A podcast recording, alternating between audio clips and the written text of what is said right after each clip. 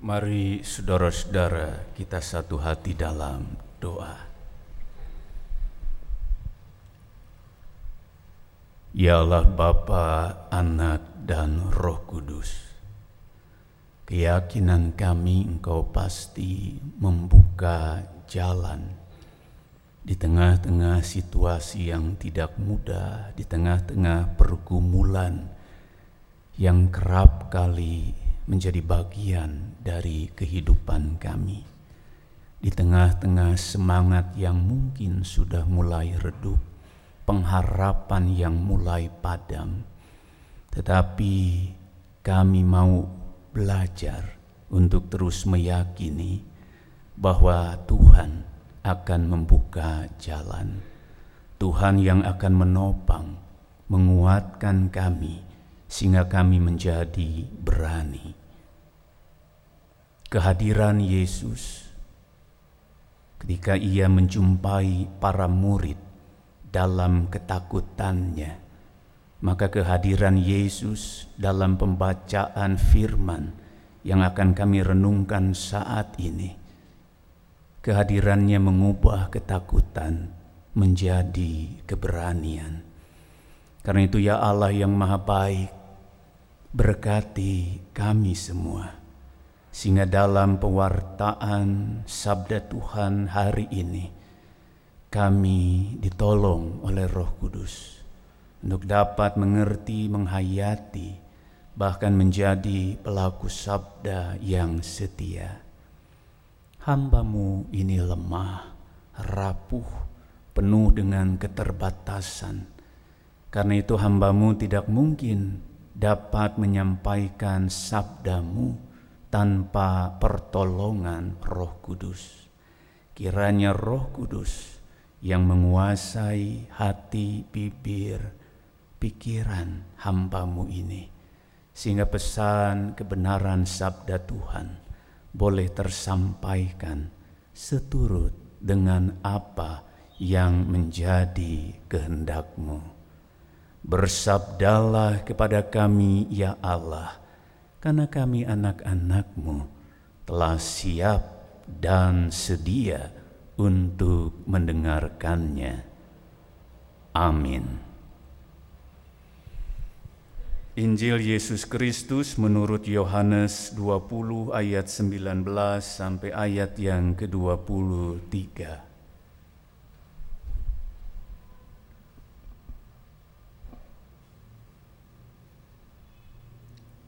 Yohanes 20 ayat 19 sampai ayat yang ke-23.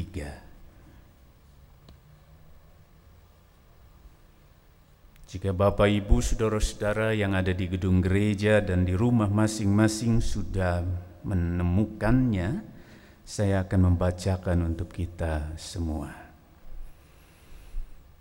Ketika hari sudah malam pada hari pertama minggu itu, berkumpullah murid-murid Yesus di suatu tempat dengan pintu-pintu yang terkunci karena mereka takut kepada orang-orang Yahudi. Pada waktu itu datanglah Yesus dan berdiri di tengah-tengah mereka dan berkata, "Damai sejahtera bagi kamu." Dan sesudah berkata demikian, ia menunjukkan tangannya dan lambungnya kepada mereka. Murid-murid itu bersuka cita ketika mereka melihat Tuhan. Maka kata Yesus sekali lagi, "Damai sejahtera bagi kamu." Sama seperti Bapa mengutus aku, demikian juga sekarang aku mengutus kamu dan sesudah berkata demikian, ia menggembusi mereka dan berkata, Terimalah roh kudus. Jikalau kamu mengampuni dosa orang, dosanya diampuni. Dan jikalau kamu mengatakan dosa orang tetap ada, dosanya tetap ada. Saudara-saudara, berbahagialah setiap orang yang mendengar firman Tuhan serta memelihara dalam hidupnya. Haleluya. Haleluya.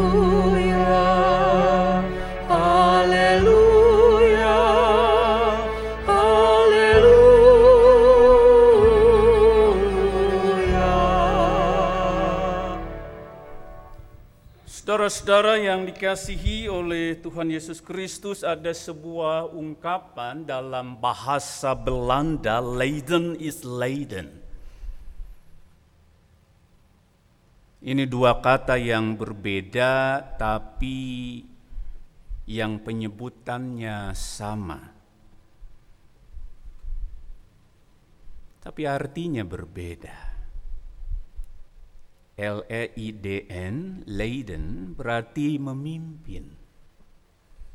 L-I-J-D-N, Leiden juga dibacanya, tetapi artinya menderita. Nah Bapak Ibu Saudara-saudara jadi Leiden is Leiden berarti memimpin adalah menderita. Filosofi ini membutuhkan keikhlasan para pemimpin, para pelayan untuk menderita dalam menjalankan perannya, tugasnya. Filosofi ini berbicara tentang kesediaan untuk berkorban, kesediaan untuk ambil resiko, kesediaan untuk memberi diri maka orang yang memaknai, menghayati filosofi Leiden is Leiden dipastikan adalah orang yang selalu siap menghadapi apa pun. Selalu siap mengambil resiko apa pun. Keberaniannya lebih besar dari ketakutannya. Keyakinannya lebih besar dari ketidakmungkinan. Saudara-saudara, kita tahu Yesus sosok yang siap dengan apa pun. Siap menderita demi kita. Demi umat manusia. Tetapi nampaknya para murid belum tiba di titik itu. Para murid belum tiba di titik Leiden is Leiden. Karena itu tidak mengherankan ketika Yesus ditangkap, disiksa, disalib lalu mati. Maka menurut Yohanes, para murid diam di rumah. Mereka mengunci pintu. Ada kengerian, ada ketakutan, ada kekhawatiran, ada kegelisahan yang luar biasa yang dirasakan oleh para murid. Mereka takut keluar, mereka takut berhadapan dengan orang banyak, mereka takut diketahui identitas mereka sebagai pengikut Kristus yang belum lama ditangkap, disalib, dan mati. Mereka lupa bahwa Yesus akan bangkit. Sehingga ketakutan itu menggerogoti kehidupan para murid saat itu. Karena pasti tidak ada sukacita. Mereka kehilangan pengharapan. Mereka kehilangan semangat. Dan pasti mereka adalah orang-orang yang belum siap dengan resiko. Mereka belum siap bergulat, bergumul. Untuk menunjukkan iman kepada Kristus. Nah, saudara-saudara, tentu bukan hanya para murid yang ketika itu mengalami takut. Kita juga kerap mengalami takut. Nungarana sieun pasti nyumput. Sieun pasti murungkut. Sieun pasti telem. Bukankah kalau kita sieun, Bapak Ibu, Saudara-saudara, kita juga nyumput seperti para murid. Murungkut, ciut, kita tidak siap, kita tidak berani, kita tidak mau menghadapi apa pun. Apalagi dalam kondisi saat ini yang pasti tidak mudah. Pandemi sudah hampir tiga tahun, dua tahun lebih. Ada banyak ketakutan dalam hidup ini Bapak Ibu Saudara-saudara yang kerap kali menjadi bagian dari hidup kita. Setiap hari. Takut hari esok, takut akan kehidupan, takut akan biaya sekolah anak-anak, atau mungkin banyak orang tua yang sedang ketar-ketir untuk pembiayaan sekolah, atau takut, khawatir juga anak saya ini lagi uas, lulus atau tidak. Takut akan berbagai persoalan dan masalah kehidupan tentu tidaklah mudah.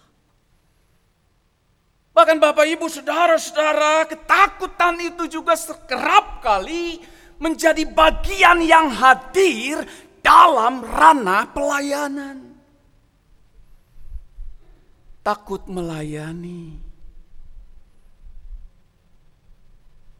takut tidak bisa bicara, takut kurang pandai, takut tidak bisa memberikan pelayanan yang baik.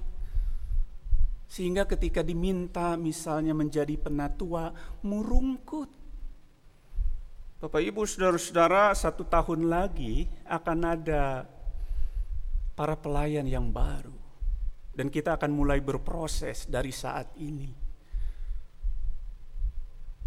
Satu tahun lagi akan ada pemimpin baru. Dan tentu setiap kita diharapkan siap. Ya, aku bersedia. Ketika pelayanan itu dimintakan pada saudara. Bapak Ibu saudara-saudara yang dikasihi oleh Tuhan Yesus Kristus. Gereja kerap kali takut. Oh takut ini tidak bisa menjalankan program pelayanan karena keterbatasan anggaran. Takut defisit keuangan gereja, takut persembahan berkurang. Sehingga ketakutan-ketakutan itu kerap kali membuat gereja mengurus urusannya sendiri. Tidak ada program keluar, program sosial, diakonia keluar, tidak ada kepedulian sosial gereja karena takut kurang, takut tidak cukup. Gereja mau berbuat baik, oh takut ditolak, takut dicap kristenisasi. Dan kerap kali ini juga menjadi alasan banyak orang Kristen untuk kemudian diam. Akhirnya tidak maju di situ-situ saja, tidak ke mana-mana jalan di tempat, bahkan diam di tempat.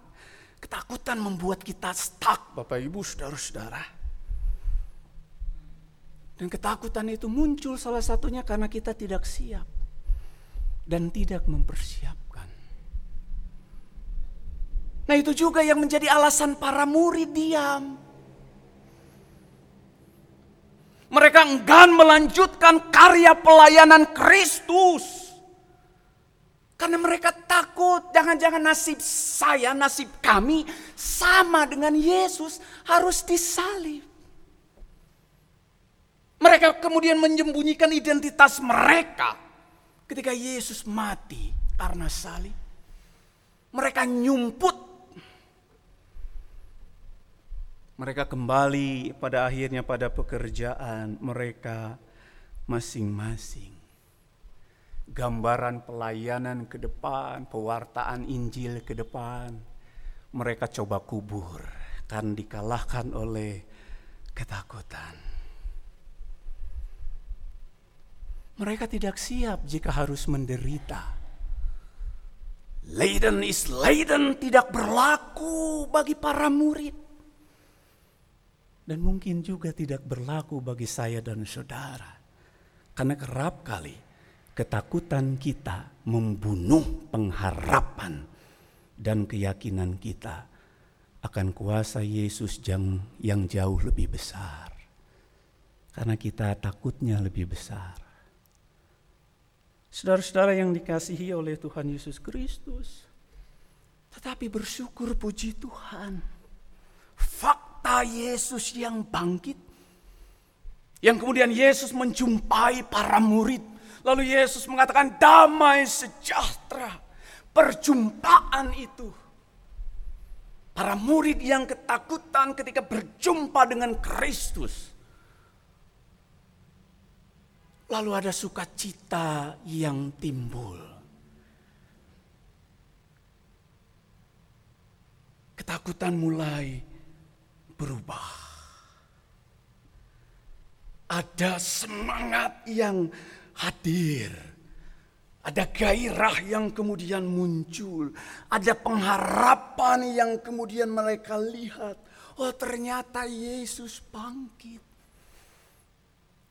Oh kalau Yesus bangkit itu artinya kuasanya jauh lebih besar dari apa pun. Dari persoalan, dari kekhawatiran, dari ketakutan apa pun. Oh kalau Yesus punya kuasa jauh lebih besar. Mengapa kami para murid takut? Kami tidak sendiri. Dan kemudian Yesus menggembusi mereka dengan roh kudus. Artinya Yesus menegaskan penyertaannya, pemeliharaannya, topangannya, pertolongannya. Bahwa murid-muridnya harus terus melanjutkan pemberitaan Injil, karya keselamatan itu. Jangan takut, sebab Yesus bersama para murid. Tema khotbah hari ini Bapak Ibu, saudara-saudara yang dikasihi Tuhan. Melepaskan belenggu ketakutan. Kalau Kristus bangkit, maka belenggu itu seharusnya lepas dari kita. Takut diganti dengan berani, takut diganti dengan semangat, takut diganti dengan pengharapan, takut diganti dengan keteguhan iman. Karena itu ada tiga hal yang menjadi perenungan kita hari ini. Yang pertama, takut jangan membuat kita ciut. Itu artinya Bapak Ibu Saudara-saudara gelisah jangan membuat kita resah. Khawatir jangan buat kita menyingkir lalu lari. Sulit jangan membuat kita berkelit. Bahaya jangan membuat kita kehilangan daya. Tetapi tetaplah percaya sabab Gusti ayat. Itu juga yang terlihat dari kehidupan para murid. Dalam takut mereka, Yesus sekali lagi menjumpai mereka. Kemudian Yesus mengutus mereka dan mereka tidak dibiarkan sendiri untuk melaksanakan tugas perutusan dari Yesus. Tetapi Yesus mengaruniakan roh kudus. Nah karena itu Bapak Ibu Saudara-saudara ketika ada orang yang ketakutannya lebih besar dari pengharapannya, dari keyakinannya akan Yesus. Maka kita perlu kembali mengingat betapa besar kuasa Dia. Takut jangan membuat kita ciut karena ada penyertaan Allah dalam setiap langkah hidup kita, dalam setiap kerja kita, karya kita, pelayanan kita.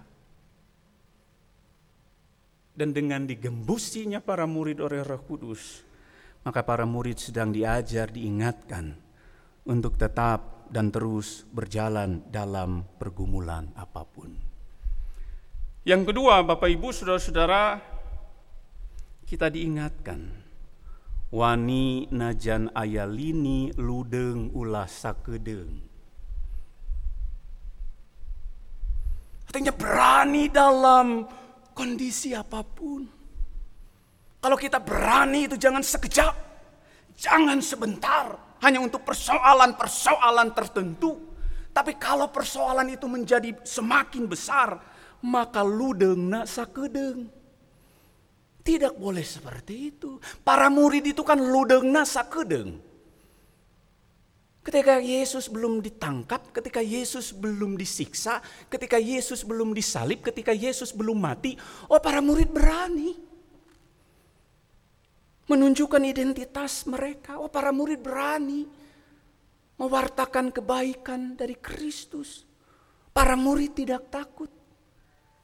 Bahkan Petrus sempat mengatakan sekalipun dirinya harus mengalami hal yang tidak baik.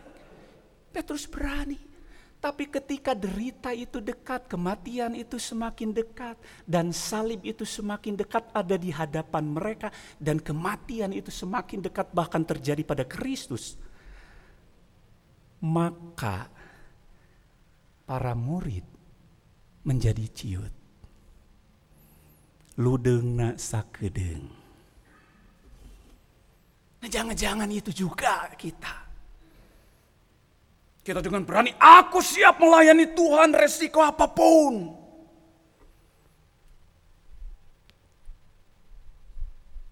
Ada persoalan sedikit, kita menjadi lemah.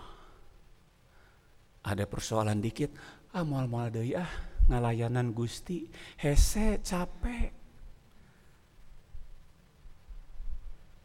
Saudara-saudara, wani najan ayalini ludeng ulah sakedeng.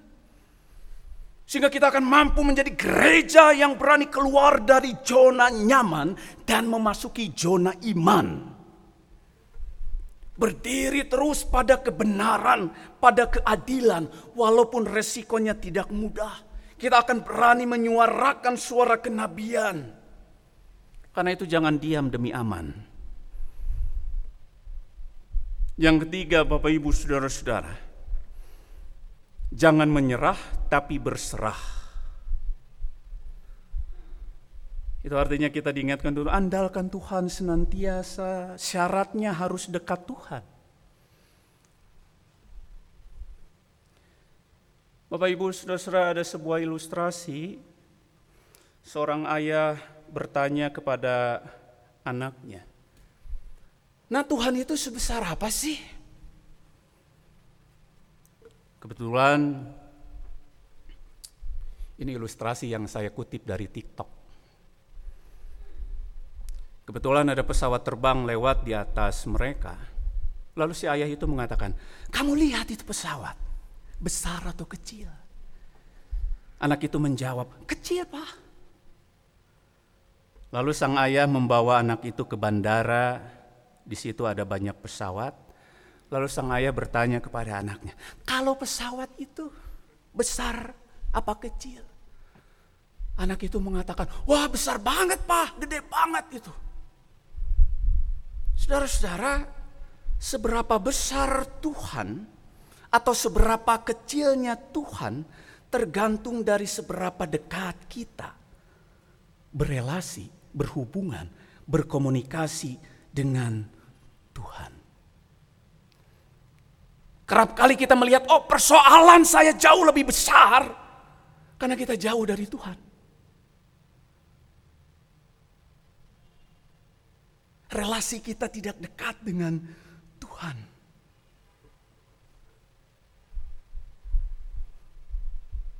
Apa pun masalah yang kita punya Bapak Ibu Saudara-saudara ketika kita menyerahkan, mempercayakan sakit, masalah, ketakutan, kekhawatiran, pergumulan kita pada Tuhan. Karena kita punya hubungan dekat dengan Tuhan. Sehingga Tuhan itu jadi besar. Banget di hadapan kita. Tuhan jadi lebih besar dari masalah kita dari pergumulan kita, dari ketakutan kita. Masalah kita sekali lagi tidak ada apa-apanya dibandingkan dengan besarnya kuasa Tuhan. Yang jadi persoalan adalah kitanya yang kerap kali ragu, kurang percaya, jauh dari Tuhan. Ngagugulung persoalan sendiri. Mencoba mengandalkan diri sendiri terlalu fokus dengan masalah lain fokus kagusti.